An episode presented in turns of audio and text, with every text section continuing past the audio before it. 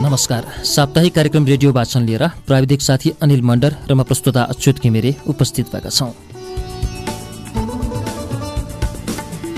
आजको कार्यक्रम रेडियो वाचन र आजदेखि अबका केही साताको लागि हामी एउटा नयाँ उपन्यास लिएर तपाईँ समक्ष उपस्थित भएका छौँ। नयाँ उपन्यासको नाम रहेको छ पल्पसा क्याफे। यस उपन्यासलाई नारायण वाग्लेले लेख्नु भएको छ। नारायण वाग्लेको उपन्यास पल्पसा क्याफे रेडियो वाचनका अबका केही श्रृङ्खलाहरूमा प्रस्तुत रहनेछ। पल्पसा क्याफे यो वर्षको मदन पुरस्कार प्राप्त कृति पनि हो।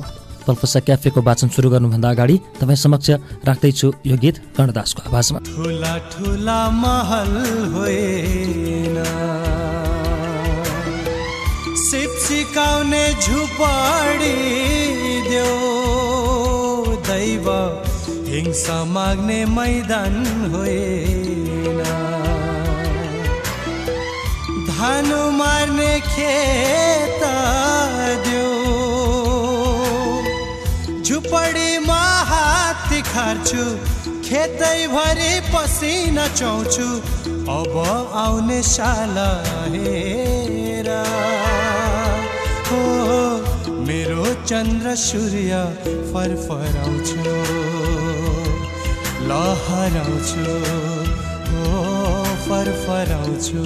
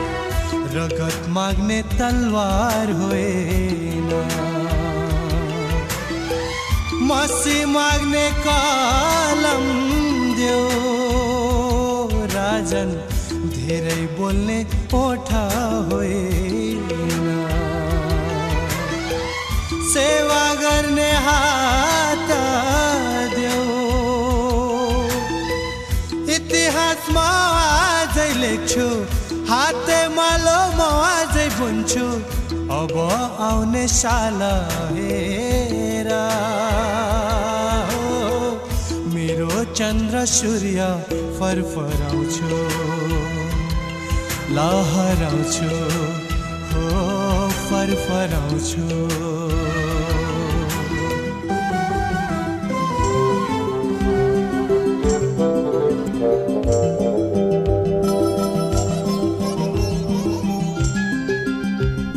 गफी गफी वाग्ले। वीरेन्द्र अन्तर्राष्ट्रिय सम्मेलन केन्द्रभित्र। मेरो छेउ माथि बरन्डाको भरिभराउ दर्शक समूहबाट एउटा चरारूपी कागज उड्दै आयो जसमा लेखिएको थियो तिम्रो उपन्यास कहिले आउँछ?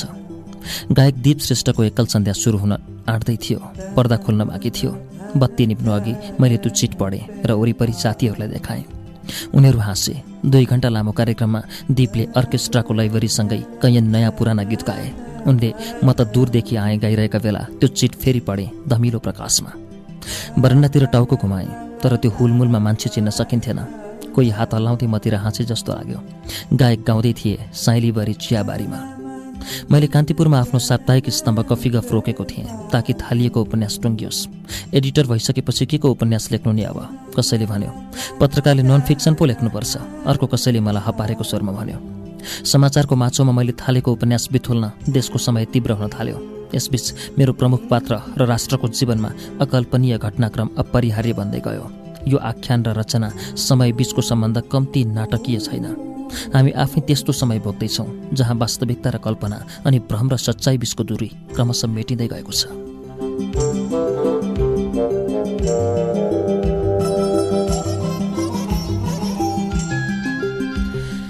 हिउँदे झरीले पखालेको काठमाडौँमा मैले नापिरहेको सडक ठमेलतिर लाग्यो। हिउँ परे जस्तो छ भनेर युवकहरू मोटरसाइकलमा नगरकोटतिर हुरिरहेका थिए। कारहरूको लाइन पनि भक्तपुरतिर तेर्सिएको थियो। काठमाडौँको चिसोमा माटोको गन्ध बेग्लै थियो। आकाश सफा भयो भने रुफटप रेस्टुरेन्टबाट ताजा हिउँ देख्न सकिएला। भर्याङको टुप्पामा ट्रीबाट एउटा हात झुकेर एकजना वेटरले भन्यो अस्ति मैले तपाईँको फोटो देखेको थिएँ। म रोकिएँ उसले थप्यो। फोटोमा तपाईँ धुवा उडाउँदै लेखिरहनु भएको थियो। हो त के गर्छौ? म बन्दुकबाट धुवा फालिरहेको त छैन नि। छेउबाट पास हुन खोज्दा उसको आवाज थपियो। यतै कुन रेस्टुरेन्टमा हो तपाईँले किताब लेखिरहेको? सरी है सर। उसले म केही नभए हिँडिरहेको देखेर भन्यो। माथि टेबल खाली छ मैले सोधेँ। गमलाको बाबियो छेउ टेबलबाट कफी पट अर्डर गरेर मैले साथीलाई फोन गरेँ। म आउँदैछु ल दृश्यले झिँजो माने चाहिँ बल्ल तल्ल मोबाइल उठाउँदै जवाफ दियो। म उससँग थप अन्तर्वार्ता गर्न चाहन्छु। उपन्यास टुङ्ग्याउनु अघि उसका बारेमा मैले अझ धेरै थाहा पाउनु छ। यो उसको कथा हो। यसमा उसको भूगोलको चित्र छ। उसको भगाई र कल्पनाको ध्वनि छ। ऊ चित्रकार भएकाले लेखन शैलीको उत्तिकै फरक गर्छ। उसैले घचघचाएको हो मलाई यो लेख्न। म एउटा चित्रकारको कहानीलाई अहिले फत्ते गर्दैछु। एउटा सम्बन्ध छ हामी बिच। चित्र र दर्शकको जस्तो। उसको कथा मैले कसरी लेखेको छु भने पाठकले यो मेरो आफ्नै जीवन हो भन्ने सोच्न सक्नेछन्।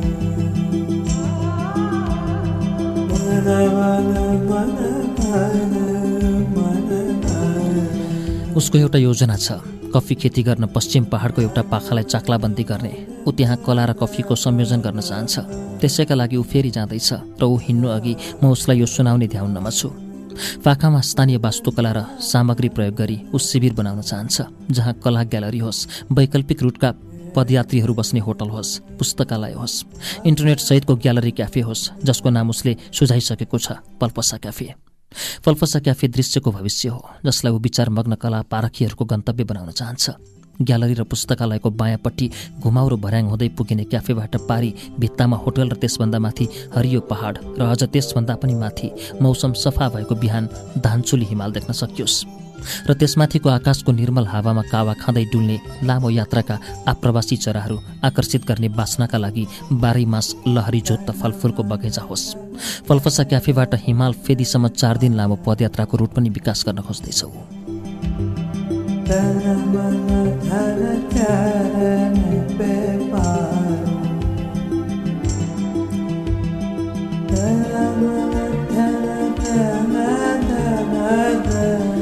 यस्तो रचनाका लागि के यो समय ठिक छ? के ऊ यावत प्रतिकूलता सामना गर्न खोज्दैछ? उसको यो खाकाबाट म कायल छु। यस्तो बेला ऊ त्यस्तो खाका कोर्दैछ जसलाई फिक्का पार्न देशले बन्दुक भिरेको छ र ऊ बन्दुक विरुद्ध उभिन आँटिरहेको छ। कफीको पहिलो स्वरूपसँगै अर्को टेबलबाट म्याउ गर्दै बिरालो आइरहेको देखेँ। मैले धुवा उडाउँदै लेखिरहेको तस्विरसहित यो उपन्यास तयारीको खबर छाप्ने नेपाल म्यागजिनमा मलाई मनपर्ने अर्को रेस्टुरेन्टको बिरालो बारेको प्रसङ्ग समावेश थियो। त्यस्तै बिरालो मतिर लम्किरहेको थियो। छेउमा कृत्रिम रूपले उमारिएका लालुपातेका बेर्नाहरू हुर्केर फुल्न थालेका थिए। त्यो बिरालो काखैमा आएर बस्यो। त्यो अर्को रेस्टुरेन्टमा चाहिँ। खै त दृश्य आइपुगेन। एक कप सकिसकेपछि मैले फेरि उसलाई मोबाइल गरेँ। बिरालो लुसुक टेबल मुनि छिर्यो। यहाँ पाँचजना साथीहरू आइपुग्नु भएको छ। उसले जवाफ दियो उहाँहरूसँग कुरा सकेर म आउँछु। उसका अचम्मका साथीहरू फोन राख्दै भन्यो कफी लिँदै गर। केही बेरमा पत्ता लाग्दै थिए ती उसका साथी होइनन्। बिरालो मेरो काखमा फर्क्यो। मैले कफी तानेको उसले स्वाद मानि हेरेको देखेँ। यसो बिरालो हेर्छु कति शान्त र क्लान्त छ। उसलाई हामी बाँचेको घटनापूर्ण समयको ख्याल छैन। आफ्नो जीवन निर्विघ्न व्यतीत गरिरहेको छ। त्यो भाग्यमानी बिरालो हो किनभने यहाँ संसारका अनेकानेक कुनाबाट पर्यटक आउँछन्। पल्लो टेबलबाट एउटी पर्यटक मेरो काखको बिरालोको फोटो खिचिरहेकी छ। उसले आफ्नो फ्रेममा मलाई पारेकी छ कि छैन थाहा छैन तर म सतर्क भएको छु। बेथैमा सतर्क हुनुपर्ने समय छ। कफीको अर्को स्वरूप तान्दा मोबाइल बज्यो। बस लुटेर केही माओवादी बम पड्काइवरी जङ्गल फर्केछन्। धन्य कसैको ज्यान गएको छैन भनेर उसले फोन राख्नु अघि भन्यो। म यसको डिस्प्याच पठाउँदैछु। अलि ढिलो होला। किन ढिलो? आज पनि सदरमुकाम तनावग्रस्त छ। अस्तिको लाठीचार्जदेखि उसले भन्यो बिहान हवाई फायर भयो। विद्यार्थीहरू कलेजभित्रबाट ढुङ्गा हानिरहेका छन्। एउटा जब कम्प्युटर किनेर इमेलमा पठाउने गर्दैनौ मैले भने सधैँ फ्याक्स गर्न पिसियोकै भर पर्छ आफू चाहिँ अफिसबाट पेस्की मिलाइदिने होइन भनेर उसले फोन राखेपछि बिरालो मबाट पल्लो टेबल सर्यो खै त दृश्य आइपुगेन कफी ताने ऊ आउने छाँट भएन उसको पल्पसा क्याफे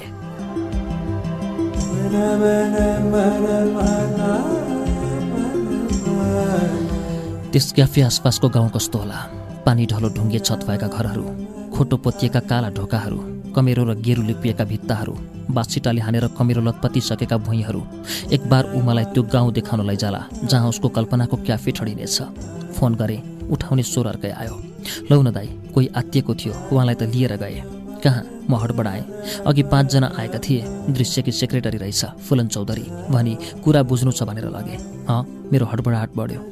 सुरक्षाकर्मी भनेर परिचय दिएका थिए तर युनिफर्ममा थिएनन्। उसले भनी उहाँले मोबाइल पनि लग्न पाउनु भएन। हो र मेरो काँ छेउबाट स्याट चल्यो। उसका साथीहरूले अपहरण गरे त्यसो भए। हो दाई अब के गर्ने होला? ऊ भन्दै थिए जुत्ता पनि दुई थरी उनेर जानुभयो। यतै तल कता हुनुपर्छ। चोकतिरको हुलमा दृश्यलाई पाँचजनाले घेरेर लगे। कसैले शङ्का गर्न नसक्ने गरी ऊ अपहरित भयो। पछि थाहा भएअनुसार उसलाई केही पर पुर्याएर भ्यानमा हालियो। त्यो भ्यान अघि नैदेखि त्यहीँ रोकिएको हुनुपर्छ। त्यो सादा भ्यान थियो।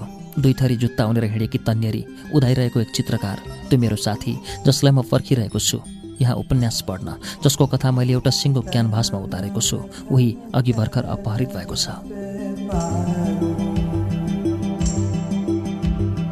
म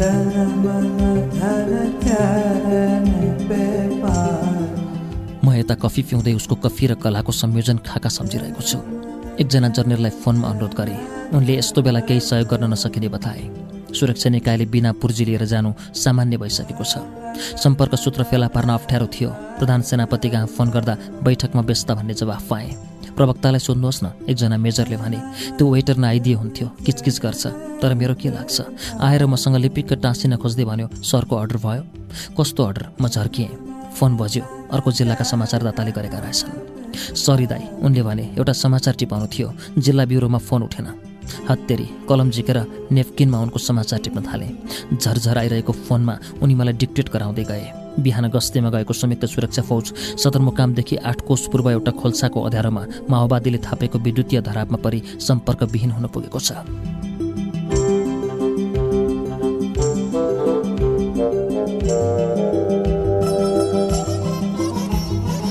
यो कुनै नयाँ घटना होइन। हरेक दिन हामी यही छापिरहेका छौँ। त्यही कुरा भोलि पनि छाप्नुपर्नेछ जुन आज बिहानकै पत्रिकामा छ। अर्थात् त्यही त्यही अर्थात् सुरक्षाकर्मी सम्पर्कविहीन विद्युतीय धराप बम विस्फोटन सुराकीका नाममा सफाया झाडा पखाला डोकामा स्वास्थ्य केन्द्रतिर लैजाँदा लैजाँदै मृत्यु के हामी पत्रिकामा दैनिक लास नयाँ गरिरहेका छौँ?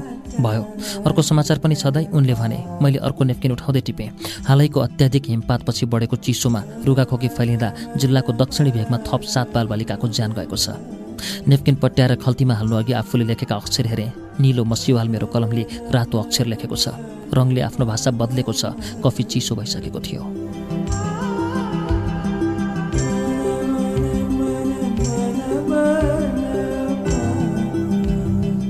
लोकतन्त्र आउँछ आउँछ। तल गल्लीमा रातो झन्डा बोकेर कुद्दै गरेका विद्यार्थीहरूको चर्को स्वर हावामा फैलिरहेको थियो। चोकमा प्रहरीले लाठीचार्ज गर्न थाले पनि आन्दोलनकारी तितर बित्तर नभएपछि हवाई फायर भएको खबर त्यही वेटरले केही बेरमा ल्यायो। मैले टमाटर चुप र फ्रेन्च फ्राइज मगाएँ। तल अगाडिको पसलबाट घन्किरहेको तिब्बती धुन केही मलिनो सुनिन थाल्यो। हावा बढ्न थाल्यो। माझ सडकमा खरी अक्षरले लोकतन्त्र नेपाल जिन्दाबाद लेखिएको विशाल आकृति। विद्यार्थीहरूको जनमत सङ्ग्रहको नतिजा आयो जसमा अधिकांश मत लोकतान्त्रिक व्यवस्थाका पक्षमा गएको माइकले घोषणा गरेपछि सेता अक्षरमाथि जुत्ता कुल्चेर प्रहरीहरू क्याम्पस हाता प्रवेश गरेका थिए। त्यसैको रन्कोमा तल जुलुस गइरहेको थियो।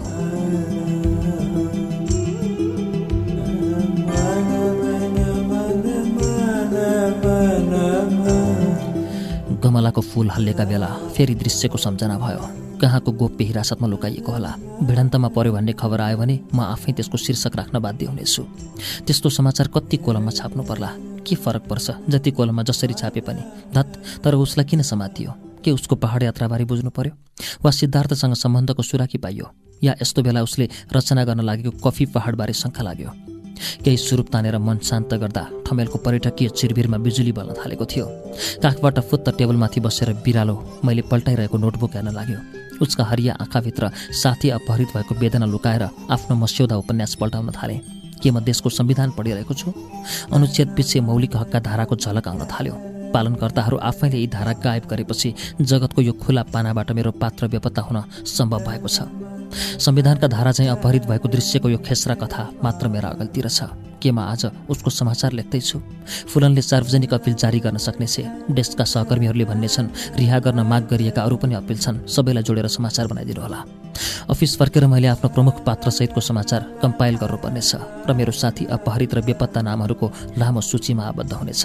दाई फुलनले फेरि फोन गरी तपाईँ पनि होस् गर्नुहोस् है। किन? ती मान्छेहरूले केही कागजपत्र र फोटो लगेका छन्। अनि उसले भने फोटोमा तपाईँ पनि हुनुहुन्छ। जस्तै भयो मन। माटो सरी रोयो मन। ढुङ्गा जस्तै भयो मन। माटो सरी रोयो मन। पोले पनि नपोलिने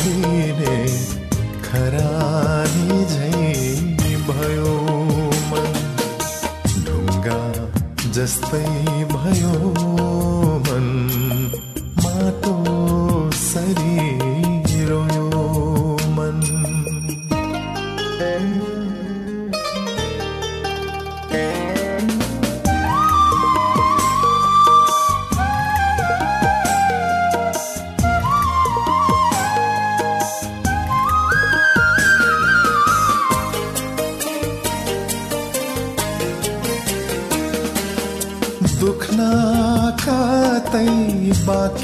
बाँकी भापो दुखाइको पिर गर्नु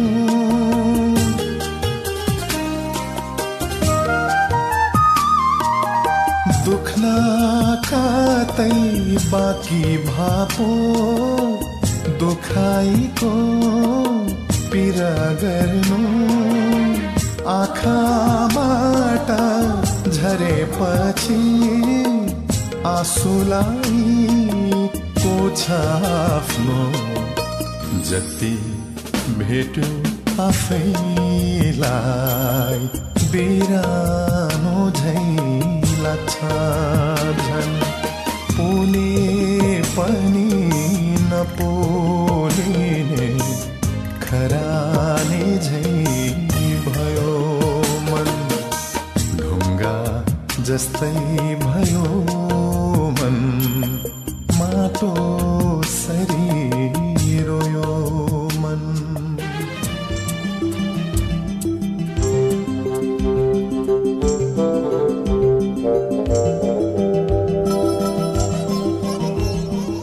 यता बिहानै सन्किनुको के अर्थ हुन्छ?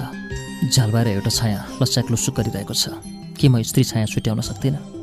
होटल चौनीकी छोरी के मलाई जिस्काउन हिँडिरहेकी हो? म आँखा मिच्दैछु ऊ फर्किन्छे। हतार हतार फेरि उसको छाया बरन्डाको समुद्री मोहडातिर लस्किन्छ। मर्निङ वाक गर्दै हो। हो भने उसलाई किन यही बरन्डामा मच्चिनु पर्यो? हातमा भुइँकटहर समातेकी जस्तो छ। बरन्डामा निस्कन्छु धत्तेरी हत्तपत्तभित्र पस्छु र रुमालले लाज राख्दै निस्कन्छु। समुद्री मोडातर्फ छालहरू निधाएछन् रातभरि गर्जेर बिहान सुत्ने कस्तो अजीब परम्परा हो। खै त त्यो केटी? ऊ तल अग्लो रुखमा घोचो लगाएर नरिवल झार्न खोज्दै रहेछ। ए मोरी के चाला हो? बोलाउन मन लाग्छ। माथि आऊ। सँगै बसेर एउटै पाइपले त्यसको रस चुचौँला धत शून्य होइन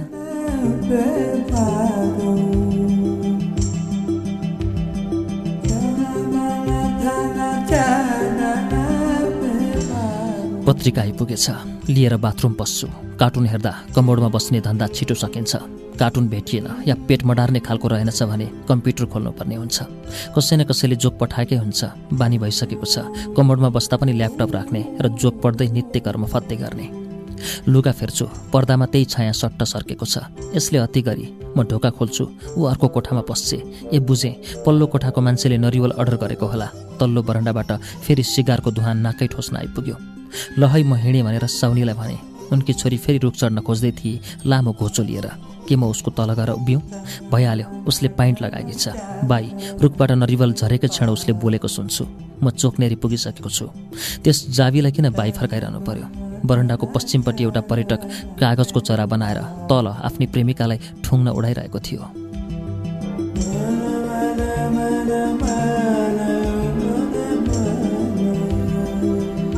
पुरानो गोवाको एउटा ऐतिहासिक चर्च प्रवेश गर्न दर्शक पङ्क्तिको पुछार बन्दा मैले पल्पसाला ठिक्क आफ्नो अगाडि उभिएको देखेँ।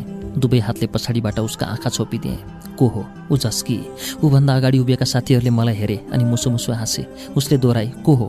मैले हात छाडिनँ। उसका कमला परेला मेरा औँलाले बलियो स्पर्श गरे। फुल थिचिरहे जस्तो लाग्यो। एउटी साथीले अगाडिबाट भने आफै चिन। मलाई होस् थिएन। कति छिटो बत्तिएर उसका आँखा बन्द गर्न पुगेँ। ए तपाईँ पो? उसले पछाडि फर्केर आँखा ठुला पार्दै भने अनि मलाई छातीमा हलुका मुक्का हानी। केरला जानु भएन? देखिहाल्यो मैले भने। अब नजाने सोच्दैछु। ट्रेन कतिखेर छुट्छ? छुटिसक्यो। किन त्यसो गर्नुभयो? तिमीले गर्दा। मैले के गरेँ? केही गरेनौ। अनि त्यही त मैले भने ट्रेन छुटिहाल्यो। त्यस्तो पनि हुन्छ हुँदो रहेछ। कसरी? राति अबेरसम्म तिम्रा बारे सोचिबसेँ मैले भने उसका साथीहरू झन् मुसु मुसु हाँस्दै खासखुस गर्न थाले। बिहान ढिलो उठ्नुभयो? भर्खर उठेर हिँडेको। मन मौजी छ अघि? मन त मौजी नै हुन्छ। म पो तपाईँबारे चित्र लेखौँ कि क्या हो? उसले भनी र बाई दबे भन्दै आफ्ना साथीहरूको ध्यान आकर्षण गरी। परिचय आदान प्रदान भयो। सबैसँग हात मिलाएँ। एउटीले भनी यसलाई ठिक्क पार्ने साथी आज देखियो। कस्तो पार्ने? मैले सोधेँ। जगल्ट्याएर ठिक पार्ने उसले भने। तपाईँहरू उसलाई बेठिक पार्दै हुनुहुन्थ्यो? हामीले कहाँ? उसले भने उसैले हामीलाई ठिक पार्थे। अरूहरू हाँसे अनि उसले पल्पस्सालाई कोचिङ गरी उनीहरू मलाई बेस्ट अफ लक भन्दै अगाडि बढे। यो पल्पसाले गाली गरे अनि मसँग भने अब म के गरौँ?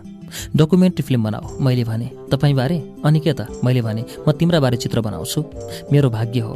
मेरा लागि त अवसर। म भाग्यमानी रहेछु। अनि म के अवसरवादी मैले भने म पनि भाग्यवादी त होइन उसले भने। हामी कुनै बादमा बाँधिनु पर्दैन। मैले भने संयोग हो हाम्रो भेट भयो। त्यसो भए हामी संयोगवादी उसले हाँसो गरी। हाम्रो भेट संयोगान्त बनोस्। किन त्यसो भन्नुभयो? झन्डै म केरला हिँडेको। के कहिले हाम्रो भेट हुन्थेन र गाह्रो थियो? किन? मैले हिजो राति तिम्रो टेलिफोन टिपेनछु मैले भने। म कस्ती हुन्छु उसले भने सरी है। मैले पनि त मागिनँ नि। त्यसैले गर्दा ट्रेन छुटाउनु भएको त होइन नि एक किसिमले हो। किन? राति म तिम्रो होटल खोज्दै धेरै बेर डुलेँ। मैले हामी बसेको होटल पनि भनिनँ है। मैले पनि त सोधिनँ। तपाईँ पनि हुन्छु तिमीलाई भेटेपछि मैले भने भन्नाले लाइन सर्दै उसले सोधी तिमीलाई भेटेर होसर आयो। मैले भने कस्तो निर्मयी उसले फेरि लाइन सर्दै भने के मैले मोहनी लगाएँ? छुटाउन खोज्दै हुनुहुन्छ उसले भने हामी चर्च पस्ने पङ्क्तिबाट अघि नै छुट्टिएर प्राङ्गणको एउटा बेन्च छेउ उभिरहेका रहेछौँ। उसका साथीहरू भित्रबाट हरभारती आए। सत्रौँ शताब्दीको भव्य चर्च यथावत उभिएको थियो। म मात्र चञ्चल भइरहेको थिएँ।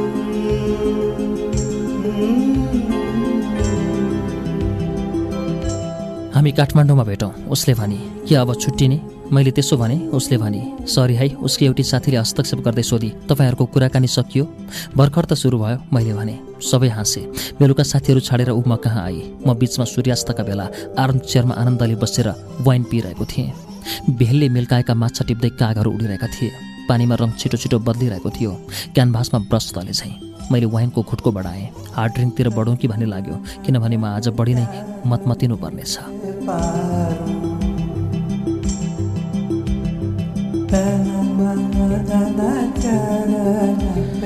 सूर्य डुबेपछि रेस्टुरेन्टबाट सङ्गीतको भोलुम चर्को भयो। Bob Marley घन्कियो get up stand up don't give up the fight उठ उभियो र सङ्घर्ष नत्याग।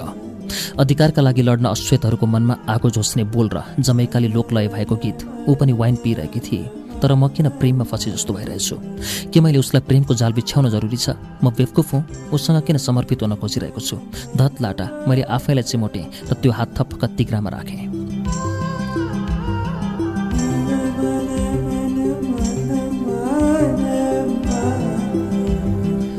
बिहान उठेर उदाइरहेको सूर्यसँग मुस्कुराउ भन्दै स्वतन्त्र चरा र सङ्गीतको प्रशंसा गर्ने मार्लीको अर्को गीतले श्रोतालाई त्यसरी नै उचाल्दै थियो। इतिहास थाहा छैन भने तिमी कहाँबाट आयो? के पत्तो भन्ने शब्द भएको बफेलो सोल्जर बज्न थाल्यो? बाँच्नका लागि जुझ भनेर तताउँदै। सुरुको गीत दोहोरिएको थियो। उठ उठ भन्ने। जीवन तिम्रो हक हो। हकका लागि गर सङ्घर्ष। ऊ नरिवल रुखको छायामा ओझेल परे। उसको कपालको बासना आइरह्यो। म पछुताइरहेँ। म उसँग कुनै औपचारिकता पुरा नगरी छुट्टिएको थिएँ। उसले केही भनिन। मैले पनि हेक्कै राखिनँ। कहिलेकाहीँ माहौल र मुड त्यस्तै हुन्छ। ड्रिङ्क लिएको सास ठेगानमा हुँदैन। त्यस्तो ठाउँमा जहाँ आफ्नो परिचय हराएर पर्यटक भइरहेको हुन्छ। कि अब हाम्रो भेट गोवामा हुँदैन?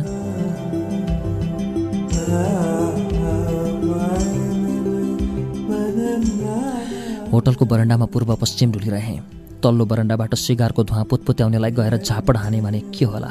खै त्यो होटल चाउनीकी छोरी देखिए पनि सन्तोष हुन्थ्यो। रुखतिर हेरेँ कोही घोचो लिएर नरिवल झारिरहेको छ कि? के हावा बढ्न थालेको हो? पातहरू फिरफिर थिए। छालको गति र आवाज बढ्न थालेको थियो।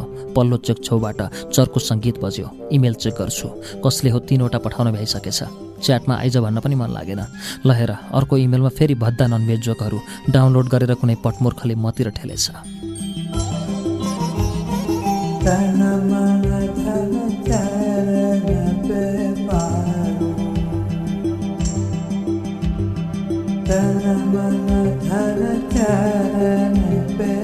हिजै त हो मैले उसलाई भेटेको। सेतो भित्तामा नरिवल रुखको छाया बसेको थियो। म त्यसमा अडेस लगाउँदै बिटल्सका गीतहरू सुनिरहेको थिएँ। केही बेर ल्यापटपलाई आराम दिएँ। स्थानीय तन्नेरीहरूको साङ्गीतिक मण्डलीले क्रिसमसको पूर्व सन्ध्यामा coconut bar and pineapple restaurant गुल्जार पारिरहेको थियो। पोर्चुगाली वास्तुकलायुक्त रेस्टुरेन्टको पिँढी र बगैँचाभरि कुर्ची कतै खाली थिएन। एउटा टेबल मैले एक्लै ओगटेको थिएँ। एउटा खाली कुर्चीमा मस्तले खुट्टा राख्दै भर्खर मैले छिरिङलाई इमेल पठाएको थिएँ।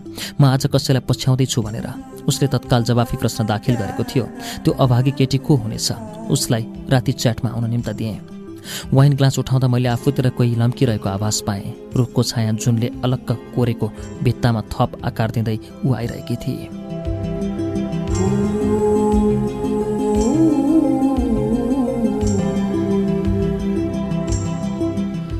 ओठमुनि रौँ पालेको ठिटौली वेटर फेरि मेरो टेबल छेउबाट हिँड्यो। ऊ घरिघरि मेरो कम्प्युटर हेर्न आइरहन्थ्यो र मुसुक्क हाँस्थ्यो। म वास्ता गर्थिनँ। बेसोमती म के जतिखेर पनि नग्न दृश्यहरूको ठेगाना पुगिरहन्थ्यो र केटी नजिक आएपछि म झस्किएँ किन ऊ मेरै टेबलतिर लम्किएकी हो? एक्सक्युज मी ऊ हात हल्लाउँदै म सामु उभिए यहाँबाट एउटा कुर्ची लैजान सक्छु? गुवामा त्यो मेरो अन्तिम सास थियो। नयाँ वर्षका लागि म केरला जाँदै थिएँ। रविशङ्करसँग सितार सिकेर जर्ज ह्यारिसनले नर्वेजियन उड्समा पूर्व र पश्चिमको सुमधुर मिश्रण गर्दै सङ्गीत दिएको गीत रेस्टुरेन्टको कुनापट्टिबाट गायक मेरो फरमाइसमा गाइरहेको थियो। वेटरले अर्को ग्लास फेनी फेरि थपिदियो। समुद्री सूर्यास्त पोतिएको सेतो टी सर्ट र निरो जिन्स प्यान्टमा ऊ लामो कपाल फरफराउँदै सानो भेल चाहिँ आएकी थिए। सुक्खा बालुवामाथि दिनभरि मैले धेरै पटक पैताला भिजाएको थिएँ। अन्जुना बिचमा।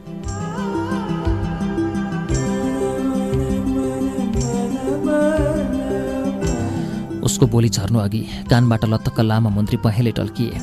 कुर्ची दिएन भने मैले उसको परीक्षा लिन खोजेँ अनि उसको आँखा निहालेँ। यो केटी ठिक छ अब यसैलाई पछ्याउनुपर्छ ऊ अकमक्क परी ठिङ्ग उभि आँखी भाउ उचाली टम्म मिलेका बाक्ला काला रौँ थिए। आँखा लाम्चा ठुला र सफा थिए धेरै सपना देख्ने जस्ता। सरी उसले नबुझेको स्वाङ गर्दै आफ्नो अप्ठ्यारो लुकाउन खोजे। म के कम? नसुनेको भान पार्दै काखको कम्प्युटर टेबलको कुनापट्टि थन्काएर फेनीको ग्लास ताने। माछाको झोल तरकारी र बटुकामा भात आइपुगेको रहेछ। गोर्खालीलाई जहाँ गए पनि भातै चाहिने। हातैले खाइदिउँ भइहाल्यो। ऊ त्यत्तिकै उभिरहेकी थिए मेरो जवाफ फर्केर औँलाले च्यापिरहेको काँटा बटुकातिर लम्काउन आँटे जस्तो गर्दै मैले भने तिमीलाई भुलाएकामा म क्षमा चाहन्छु।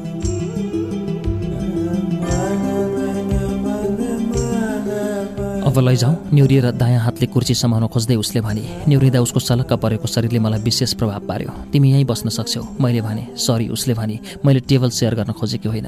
उसको स्वर पनि मादक रहेछ। बाक्लो तर मह घोले चाहिँ। यस्तो अवसर कुन मूर्खले गुमाउँछ? मैले फेरि उसका आँखा हेरेँ। गुलियो पसेको भुइँकटहर भर्खर तासे जस्तो लाग्यो। यहाँबाट त्यो गायकलाई राम्ररी देखिन्छ मैले फर्माएँ। उताबाट राम्रो सुनिन्छ। उसले भने टाठी पनि रहेछ। तत्काल छुरीले प्रश्न काट्न सक्ने। के म तिम्रो टेबल जोइन गर्न सक्छु? मैले सोधेँ। हाम्रो टेबलमा अहिले नै भिड छ उसले भने। म तिमीसँग कुरा गर्न चाहन्छु। म लत्तो किन चाड्थेँ म व्यस्त छु उसले ठाडै भने। मसँग कारण छ मैले भने। नौला मान्छेसँग के कारण हुन्छ? तिमीलाई लाग्छ म नौलो हुँ? मैले भने। पहिलोपटक भेट्दैछु उसले भने। तिमीले केही घन्टा अघि मलाई भेटिसकेकी छौ। मैले फ्याक्ट भने अनि उसका आँखा हेरेँ ताछेर प्लेटमा राखिएको भुइँ कटार सम्झिएँ। म त्यति हुस्सु छैन उसले भने। तिमी अन्जुना बिचमा के पढ्दै थियौ? त्यो त चित्र पुस्तक हो। त्यही त मैले भने म तिमीलाई त्यही सम्झाइरहेको छु। किन? म त्यसको लेखक हुँ मैले भने कहीँ नपाएर होस्। विश्वास लाग्दैन किताबमा लेखकको फोटो छैन। नाम त होला मैले भने। तर त्यसको लेखक नेपाली हो उसले भने म विदेशी जस्तो लाग्यो मैले पहिलोपटक नेपाली बोलेँ।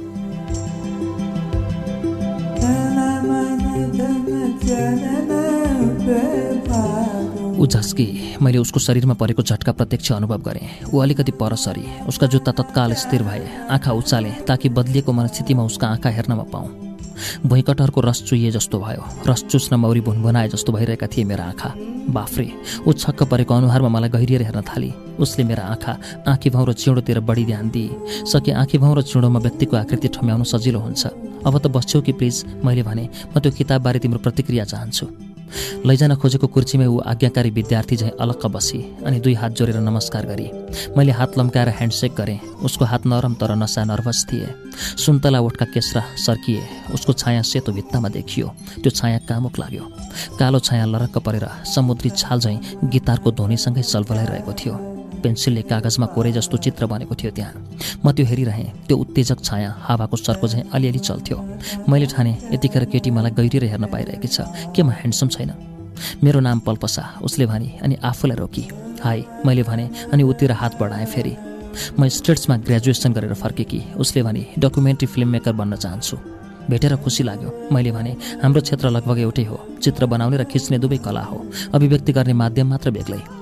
म तपाईँलाई मेरा साथीहरूसँग परिचय गराउँछु। ऊ उभिन आँटी कृपया म यहाँ अरूसँग परिचित हुन चाहन्न। मलाई त आफै चिनाउनु भयो नि उसले फेरि टुसुक्कै बस्दै भने। तिमी फरक लाग्यो मैले भने। तपाईँका चित्र सरल छन् र शैली मिठो छ उसले भने। म तिमीबाट प्रभावित भएँ मैले भने। अमेरिकाबाट फर्केकी केटी बिचमा स्विम सुट पहिरेर नेपाली चित्रकलाको मनोरञ्जन लिइरहेको भेट्दा लेखकलाई कस्तो होला? कस्तो भयो तपाईँलाई? व्यक्त गर्न सकिरहेको छैन मैले भने। मनमा लागेको गोप्य भावना म किन उसलाई प्रकट गरिरहने? यो मेरो पहिलो अनुभव हो। उसले भने कस्तो अनुभव? मैले यसअघि आफूले पढेको लेखक भेटेकी थिइनँ। उसले भने कसरी भेट्थे? त जब म नै पहिलोपटक उसलाई दर्शन भेटिदिइरहेको छु भने किताब पढ्दा लेखक कस्तो होला भन्ने कल्पना हुन्छ। मैले सोधेँ चित्रपिच्छे विवरण र व्याख्यासँगै चित्रकारबारे कौतूहल बढ्दै जान्छ। उसले भने यो चित्रकार कस्तो होला भन्ने सोचेकी थियौ? मैले फेरि सोधेँ अद्वैंसी टोप लगाउने पाइप तान्ने गिटार लिएर हिँड्ने हावासँगै गुनगुनाइरहने। रोमान्टिक भेट्दा पनि त्यस्तै लाग्यो उसले भने तर तपाईँ युवक देखिनुहुन्छ। खास चाहिँ बुढो मैले फेरि गफ तन्काएँ। त्यो मोरो वेटर कस्तो झिजो लगाउँदो रहेछ। पटक पटक आइरहेछ। उसको ओठमुनिको रौँ खेलिदिउँ मैले त्यसो भने ऊ हौसिए तपाईँ तन्नेरी हुनुहुन्छ तर पेन्टिङ परिपक्व छ। धन्यवाद। मैले भने यो म पहिलोपटक सुन्दैछु। मलाई फुर्क्याउनु भएको? बरु तिमीले मलाई फुर्कायो मैले भने तपाईँ फुर्किने जस्तो त लागेन। चित्रकार लेखकहरू फुर्के हुन्छन् मैले भने कम्तीमा तिमी जस्ता पाठक भेटेपछि। म एक साधारण पाठक हुँ साथीहरू भन्छन् एकहोरी उसले भने सामान्य रुचि र सरल जीवनमा रमाउने। म पहिलोपटक कसैलाई कोट्याएर आफ्नो परिचय दिँदैछु। मैले भने आफू विशिष्ट देखिनु परेन। म आफ्नो समय स्याउ झैँ काटेर टक्राइरहेछु। कहिलेकाहीँ सोध्छु म किन भिक्षुणी बनिन उसले भने कुनै दिन म गुम्बामा पस्न सक्छु। तिमीले सक्रिय जीवन रोजेकै बेस। मैले भने उसलाई तातो लगाउनु थियो। उसको तृष्णा जगाउन मैले आगो जोस्नै पर्थ्यो। म ज्ञान चाहन्छु। उसले भने आफूलाई परीक्षण गर्ने रहर छ।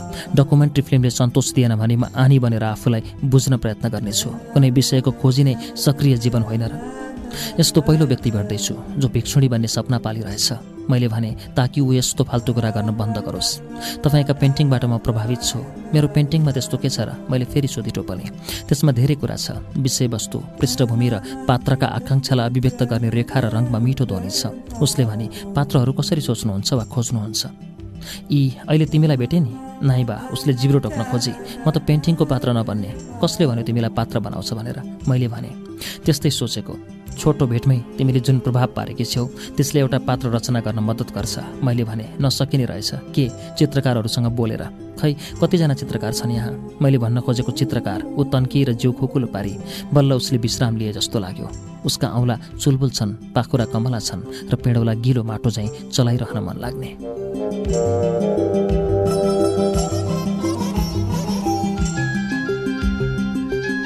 रेस्टुरेन्टको कुनाबाट गायकले बिटल्सका थुप्रै गीत गाइसकेको थियो। मैले एकैचोटि दुईवटा गीत नेपकिनमा लेखेर पठाइदिएको थिएँ। स्ट्रबेरी फिल्ड्स फरेभर आउन बाँकी थियो। रात घर्किरहेको थियो नजिकको समुद्रको छिनछिनको छालको आवाजमा। मध्यरातसम्म त टुङ्गिएला। भोलि मध्याहतिर रेलवे स्टेसन पुगे भइहाल्थ्यो। गिटारको लय मेरो रोजाइको शीर्षक झल्काउने खालले सुनियो। त्यसबीच मैले खान सकेँ। तिमीलाई ढिलो त भएन मैले सोधेँ। साथीहरू आँखा ठुला पार्दैछन्। उसले टाढाको टेबल हेर्दै भने कति दिन बस्छौ गोवा? अब केही दिन उसले भने तपाईँ नि म त भोलि जाँदैछु। मैले भने केरलातिर। ओहो उसले आँखा सर्काई चित्रकार लेखकहरूलाई यही स्वतन्त्रता छ अघि। आफू स्वतन्त्र नहुनेले के स्वतन्त्रताको अभिव्यक्ति दिने नि? अर्को किताबको तयारी गर्दै हुनुहुन्छ वा कुनै पेन्टिङ श्रृङ्खला? तयारी गर्दिनँ। मैले भने घुम्छु डुल्छु पढ्छु मान्छे भेट्छु। ऊर्जा दिने प्रेरणा भेटेँ भने कुची चलाउन थाल्छु। त्यही भएर तपाईँको चित्रमा स्वच्छन्दता छ। कति पेज पढ्यो? कतिपल्ट दोहोऱ्याएँ सम्झना छैन। दोहोऱ्याएँ मैले छक्क पर्दै सोधेँ किनभने यो किताबको धित मर्दैन। उसले भने म आठ दसवटा किताब बोकेर हिँडेकी मान्छे। नयाँ थाल्नु अघि यही पल्टाउन मन लाग्छ। म फेन्ट हुन बेर छैन। मैले भने अर्को किताब पनि यस्तै लेख्नुहोस् है। यस्तो भन्नाले यो किताबका चित्रहरू पाठकसँग सोझै सम्बन्ध राख्छन्। उसले भने त्यो झरी शीर्षकको चित्रको केटी आकार म जस्तै लाग्छ। जति हेर्दै गयो आफैलाई बुझ्दै गयो जस्तो। मेरो भावना र आकाङ्क्षाको प्रतिनिधित्व गरेको छ त्यसले। मैले थप जिज्ञासु अनुहार बनाएँ। सबै पाठकलाई त्यस्तो लाग्ला तर मलाई बढी नै प्रभाव परेको छ त्यसको। उसले भने ए फोटोग्राफीका प्राविधिक सीमा हुन्छन् पेन्टिङ आफै सम्पूर्णतः रचना हुन्छ। उसले भने पेन्टिङ हेर्दा दर्शकले कल्पना गर्दै आनन्दको अनुभूति पाउन सक्छ। फोटोमा भन्दा बढी र त्यसको गहिराई दर्शकका आँखामा भर पर्छ। हो मैले भने तिमी जस्ता पाठक भेट्दा झन्झन उत्साहित हुन्छु म। तपाईँलाई भेटेर मलाई पनि प्रेरणा मिलेको छ। उसले भने तिमी राम्रो फिल्म मेकर हुन सक्छौ। मैले भने तिमीलाई कलामा रस रहेछ। मलाई ढाडस दिने मान्छे भेटेँ आज। उसले भने परिवार र साथीहरू त मलाई बुझ्दैनन्। उनीहरू म बिहे गरेर अमेरिकामै काम गरौँ भन्ने चाहन्छन्। यस्तो निर्णय तिमी आफैले लिनुपर्छ। सोच्दैछु।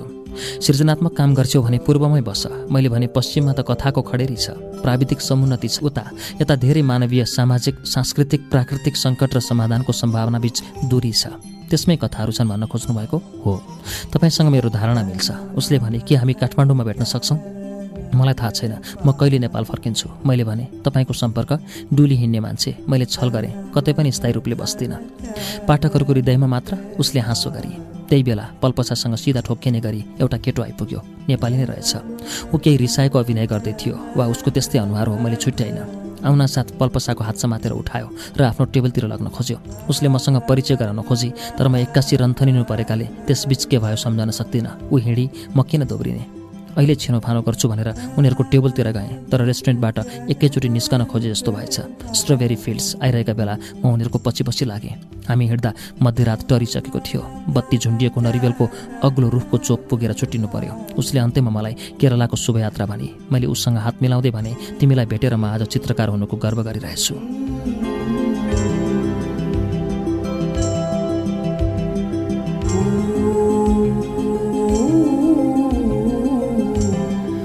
उसका साथीहरू अलि पर थिए। तिनलाई मैले वास्ता गरिनँ विशेष गरी त्यस केटालाई जसले मेरो कल्पना भङ्ग गरेको थियो। बाटाभरि मैले उसको कपालको बास्ना पाइरहेँ। फुर्र फुर्र उड्ने कपाल प्रभाव पारिहाल्ने आँखा सुलुत्त बगे जस्तो शरीर र चित्त चोर्ने बोली उसका विशेषता लागे।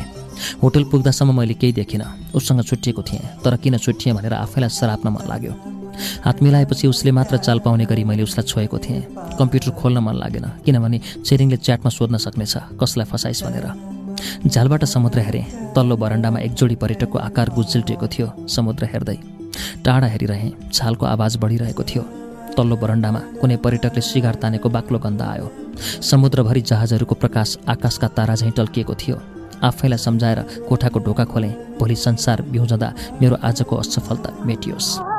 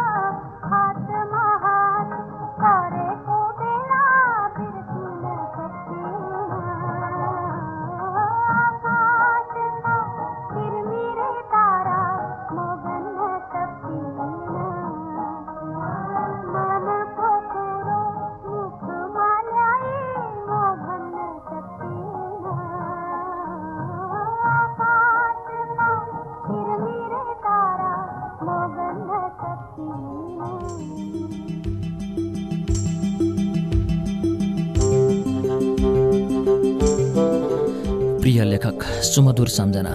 लेखक भने किनभने म यही जान्दछु। चित्रकार पनि भन्न सक्छु त्यति बेला जब म तपाईँको ग्यालरी भ्रमण गर्नेछु। चित्रकारको ग्यालरी त पक्कै होला। किताबमा कतै सानो अक्षरमा त्यसको ठेगाना हुनुपर्छ तर त्यस ग्यालरीलाई म काल्पनिक बनाउन चाहन्छु। त्यसको आनन्द बढी छ। तपाईँ कल्पनाको लोकबाट आएको व्यक्ति हो भन्ने सोच्नु मेरो लागि आनन्ददायी छ। बादल पारीको कुनै पहाडमा त छैन तपाईँको ग्यालरी? यी चित्रले त्यस्तै सङ्केत गर्छन्। काठमाडौँको कोलाहालमा यति शान्त र सुन्दर रचनाको सिलसिला कसरी सम्भव होला? म जान्न उत्सुक छु। हो भने तपाईँ पक्का रचनाकार हो जो काठमाडौँ खाल्डोमा बसेर रमणीय पहाडको ठाँट ल्याउन सक्छ। तपाईँका चित्रको विशेषता पहाड हो भलै चित्रमा पहाडहरू देखिँदैनन्। पहाडको छनक र छाँट मात्र आउँछ। रङ्गले पहाडी रेखालाई लुकाउँछ तर हाम्रा आँखा रङ्गको तुहालो भित्रका आकृति ठम्याउन हतार गर्छन्। ती आकृतिमा दैव बास गरे जस्तो लाग्छ।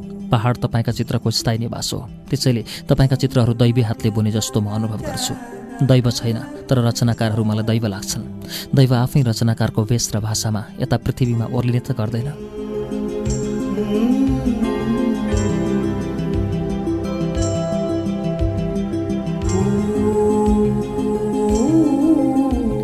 सबैभन्दा पहिला म तपाईँसँग क्षमा माग्छु। तपाईँले भेट्ने भनेको ठाउँमा म यो चिठी छोडेर जाँदैछु। तपाईँले भेट्ने कबोल गराएको टेबलमा मेरो साटो यो चिठी पाउँदा तपाईँमा के गुज्रेला म त्यो कल्पना गर्न सक्छु। तपाईँले मलाई रङ्गहरू दिनुभएको छ। म अनेक भावनामा रङ मङ्गिएकी छु। तपाईँको आकृति ठम्याउन सकिरहेकी छैन। म विवश छु। म तपाईँलाई भेट्न किन असमर्थ भएँ भन्ने कारण छ र कारण छैन पनि। म तपाईँकी प्रशंसक हुँ र रहनेछु सके आवश्यकताभन्दा बढी नै तपाईँको किताब यति बेला मेरो होटल रुमको सिरानीमा छ। कुनै किताबले ममा गहिरो प्रभाव पारेको छ भने यसैले छ। साथीहरू यस किताबप्रति मेरो आसक्ति देखेर आजित छन्। म जतिखेर पनि यसैको कुरा गरिरहेकी हुन्छु र उनीहरू मलाई उडाउँछन्। उनीहरू बुझ्दैनन् यस्तो भावना। उनीहरू ठान्छन् म किताबकी किरो हुँ तर यस्तो किताबका लागि म जे पनि बन्न तयार छु।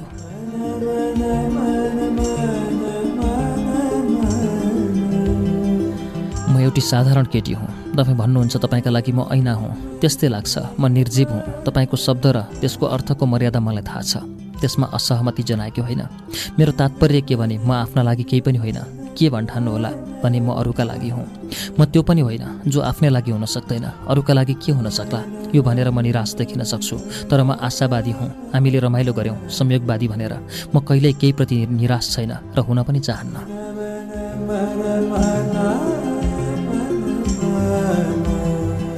तपाईँलाई भेटेँ। जिन्दगीकै मेरो अविस्मरणीय घटना भएको छ जसको किताब पढिरहेको छु उहीसँग भेट भएको छ। तपाईँले नभनेको भए मलाई थाहा हुने थिएन। म काठको कुर्ची माग्न गएँ। तपाईँ रङ चोबल्ने कुर्ची लिएर बसिरहनु भएको रहेछ। मलाई पोतिदिनु भयो म त्यसरी कुर्ची माग्न नगएकी भए हाम्रो भेट पनि हुने थिएन। भेट भए पनि चिन्जान हुने थिएन। चिन्जान भए पनि तपाईँले आफू चित्रकार भन्ने अवगत नगराउन सक्नुहुन्थ्यो। जसरी तपाईँले भन्नुभयो म यहाँ अरूसँग परिचित हुन चाहन्न भनेर मसँग पनि त्यसै गर्न सक्नुहुन्थ्यो। तपाईँलाई नभेट्ने निर्णय मैले किन गरेँ? म फेरि सोध्छु किन गरेँ? तपाईँलाई भेट्दा मैले पनि त्यस्तै अनुभव गरेँ जुन तपाईँले भन्नुभयो परावर्तनको कुरा। कस्तो मिहिन र अर्थपूर्ण छ यो। मैले शब्दमा व्यक्त गर्न सकेकी थिइनँ जुन तपाईँले सजिलै गर्नुभयो। त्यही त भिन्नता छ चित्रकार र दर्शकमा लेखक र पाठकमा। लेखकहरू पाठकको मन छुन्छन् र मनोविनोदपूर्ण तरिकाले यस्तो चित्रण गर्छन् जसले चेतनाको दायरा विस्तार गर्छ। म अहिले यी अक्षरमा आफ्नो व्यक्तित्वको झझल्को पाइरहेकी छु। शब्दहरू आफ्नो छवि हुँदा रहेछन् ऐना हुँदा रहेछन्। यी अक्षरमा तपाईँ मलाई देख्न सक्नुहुन्छ। यो पत्र तपाईँ सामु मेरो ऐना भइरहेको छ। तपाईँ आफूलाई देख्नुहुन्न मलाई देखिरहनु भएको छ।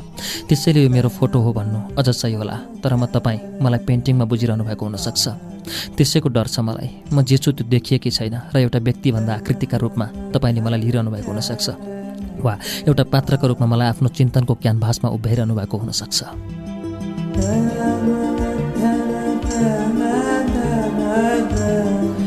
लेखकको जीवनमा धेरै पत्र आउँछन्। त्यसरी नै पाठकहरू र तिनका पत्रहरू तर पाठकको जीवनमा दुर्लभले लेखक आउँछन्। तपाईँ भिन्न हुनुहुन्छ। मलाई लाग्दैन म यसरी अरू लेखकसँग भेट्न सकौँला र भेटे पनि अन्तरङ्ग हुन सकौँला। तपाईँको विशेषता जस्तो लेख्नुहुन्छ प्रत्यक्षतः आफू पनि त्यस्तै हुनुहुन्छ। जस्तो लेख्नुहुन्छ त्यस्तै बोल्नुहुन्छ। जस्तो बोल्नुहुन्छ त्यस्तै व्यवहार गर्नुहुन्छ। र आफू जस्तो व्यवहार गर्नुहुन्छ अरूबाट पनि त्यस्तै व्यवहारको अपेक्षा गर्नुहुन्छ। सके म यहीँनिर चिप्लिएँ होला। म तपाईँ जस्तै व्यवहार गर्न चुकेँ होला। मेरो कमजोरी मैले एउटी पाठकभन्दा बढी भूमिका खोज्न थालेँ होला। मैले पाठकभन्दा बढी साथी जस्तो व्यवहार गर्न खोजेँ। र हुनसक्छ त्यसैले मलाई तपाईँसँग भेट गर्न वञ्चित गर्यो।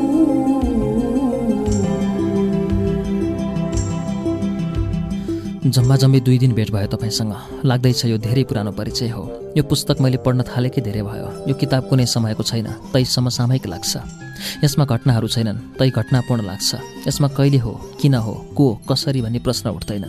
पाठक आफै बग्दै जान्छ। पानीमा पातमाथि किरा बगे चाहिँ म ठान्छु जुन चित्र कोरिएको छ र त्यसलाई जुन शब्द लेखिएको छ त्यो तपाईँको व्यक्तित्व हो।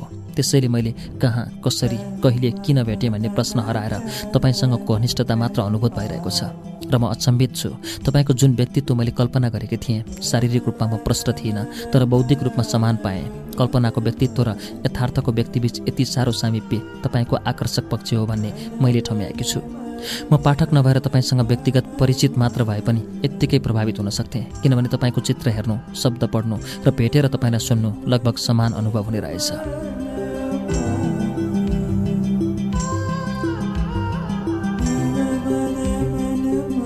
किन किन? त्यो झरी शीर्षकको चित्रकी केटी मै हुँ भन्ने लागिरहेछ। म यस्तो ठानिरहेकी छु किन? अनुभूति छ तर अभिव्यक्त गर्न सकिरहेको छैन। मलाई त्यही भान परिरहेछ। यसको स्रोत पनि तपाईँ आफै हो। म प्रति तपाईँका शब्दहरू हुन्। ती शब्द अझै मेरा कानमा गुन्जिरहेका छन्। मैले गर्दा तपाईँ हुस्छु भन्नुभयो मैले गर्दा तपाईँको केरला जाने रेल छुट्यो। मैले गर्दा तपाईँले आफूलाई आविष्कार गर्न थाल्नुभयो। मैले गर्दा तपाईँले आफूलाई नौलो पाउनुभयो आदि आदि। यी शब्द तपाईँको हृदयबाट उम्रिएका हुन् जसमा म रत्ती शङ्का गर्दिनँ भने म कसरी अप्रभावित रहन सक्छु?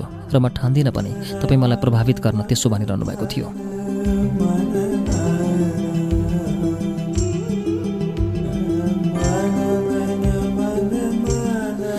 क्रिसमसका लागि गोवा आउनु। अन्जुना बिचमा मैले पढिरहेको तपाईँले देख्नु। भरे एउटै रेस्टुरेन्टमा पुग्नु। हाम्रो टेबलमा कुर्ची नपुग्नु। र म नै तपाईँको टेबलमा कुर्चीको आग्रह गर्दै पुग्नु। सबै संयोग भइरहेका छन्। म गोवा नआउन पनि सक्थेँ वा तपाईँ पनि क्रिसमसमा केरला र नयाँ वर्षमा गोवा आउन सक्नुहुन्थ्यो। बिचमा म किताब नपढ्न सक्थेँ र पढे पनि अर्कै किताब पल्टाउन सक्थेँ। तपाईँ त्यही बाटो नहिँड्न सक्नुहुन्थ्यो र हिँडे पनि मलाई वा किताबको आवरण नदेख्न सक्नुहुन्थ्यो। यसो सोध्छु तपाईँले आफ्नो किताब देखेपछि मलाई त्यहाँ किन सम्झाउनु भएन? बेलुका त्यही रेस्टुरेन्ट लगेको भए वा टेबलमा कुर्सी कम नभएको भए हामी बिच परिचय नै नहुने रहेछ। आखिर किन? हाम्रो भेटका लागि भावीले डोराएको म भन्दिनँ किनभने त्यो भन्नु भ्रमभन्दा केही हो भन्ने म मान्दिनँ। यो सब म किन खोतलिरहेको छु भने तपाईँसँगको भेटबाट म साँच्चै बदलिएकी छु। मलाई आफूप्रति विश्वास बढेको छ आत्मबल थपिएको छ ऊर्जा पाइरहेको छु मैले रचनाशील काम गरौँ भन्ने उत्साह दोब्बर भएको छ। आफूले सोचेको काम नै रोज्न मलाई प्रेरणा मिलेको छ। म त्यही गर्न चाहन्छु। पहिला जे सोचेकी थिएँ यसरी हेर्दा तपाईँले मलाई बदल्नु भएको होइन बल दिनुभएको हो। त्यो बल मसँग थियो थिएन म निश्चिन्त थिएन तर अहिले लाग्छ त्यो मैसँग रहेछ। मैले नदेखेकी हुँ आफैसँग रहेछ त्यो। म केही अन्यलमै थिएँ होला अहिले कुहिरो फाटेको छ। छर्लङ्ग भएको छ अहिले। आफ्ना लागि आफै ऐना भइरहेकी छु। आफैले आफ्नो अन्तर्मन देख्न सकेकी छु र यसको सम्पूर्णतः जस जान्छ तपाईँलाई।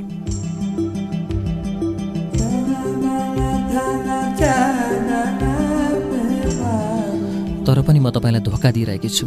एकातिर जस दिइरहेको छु र अर्कातिर धोका पनि। ममा अन्तर्विरोध देखिरहनु भएको छ तपाईँ। तपाईँले मलाई बल दिनुभयो तर सँगसँगै म अन्तर्विरोधको शिकार भइरहेकी छु। तपाईँको बलको परिणाम मेरो अन्तर्द्वन्द भएको छ। एकातिर कुहिरो फाट्यो भन्छु अर्कातिर आफै कुहिरोले छोपिएकी देखिन्छु। म अन्यलमा छु र यो अन्यल अरू कोही बाटो होइन तपाईँबाट पाइरहेको छु। त्यसैले तपाईँलाई म यहाँनिर दोष पनि दिन खोजिरहेको छु। के म असल पाठक हुँ? यहाँनिर म कतै चुकिरहेको छु जस्तो लाग्दैछ।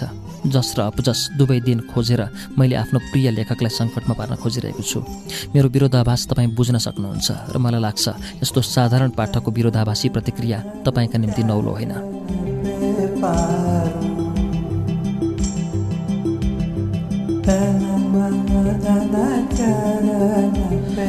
तपाईँलाई भेटेर फर्केपछि राति धेरै बेरसम्म सोचिरहेँ। कतै म तपाईँसँग बढी नै नजिक त भइरहेकी छैन। यति छिटो म तपाईँसँग अस्वाभाविक रूपमा नजिकिएथे त छैन। यसले एउटी पाठक र लेखक बिचको सम्बन्धमा त खलल पार्ने छैन। म तपाईँलाई मन पराउँछु तर त्यो प्रियताको कसी कतै कमजोर त हुँदै छैन।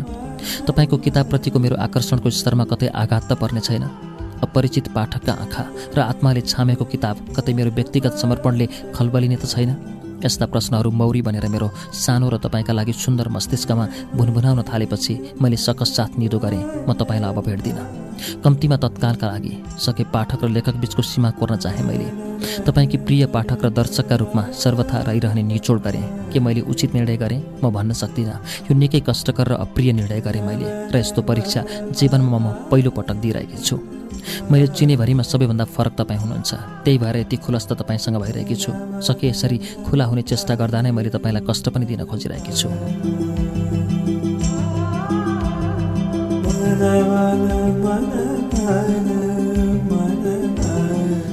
तपाईँको एउटा चित्रमा एउटा लामो पहेँलो पात खसिरहेको छ। त्यो आफ्नो बेगमा खस्दैछ तर चित्र हेरिरहँदा कहिल्यै त्यो खसिसक्दैन। खसिरहेको मात्र छ। मैले अघि भर्खर पनि त्यही पाना पल्टाएँ जहाँ त्यो पात खसिरहेको छ। म त्यस्तै भएकी छु। तपाईँ सामु परेर म खसिरहेकी छु तर टेक्ने जमिन भेट्न सकिरहेकी छैन। तपाईँले मलाई आफ्नो रचनाको त्यही पहेँलो पात बनाइदिनु भएको छ जो हर क्षण खसिरहन्छ। पातको बेग झैँ म पला पला आफूलाई छाम्न विवश भइरहेकी छु। म आफ्नै बुतामा उभिन चाहन्छु। सङ्घर्षका लागि आफ्नो भूमि आफै रचना गर्न चाहन्छु। म कतै अडिन चाहन्छु। बस तपाईँकी प्रिय पाठक? पला पला जिन्दगीको पात खस्दै गयो। गोधुलीको सङ्घारमा रात खस्दै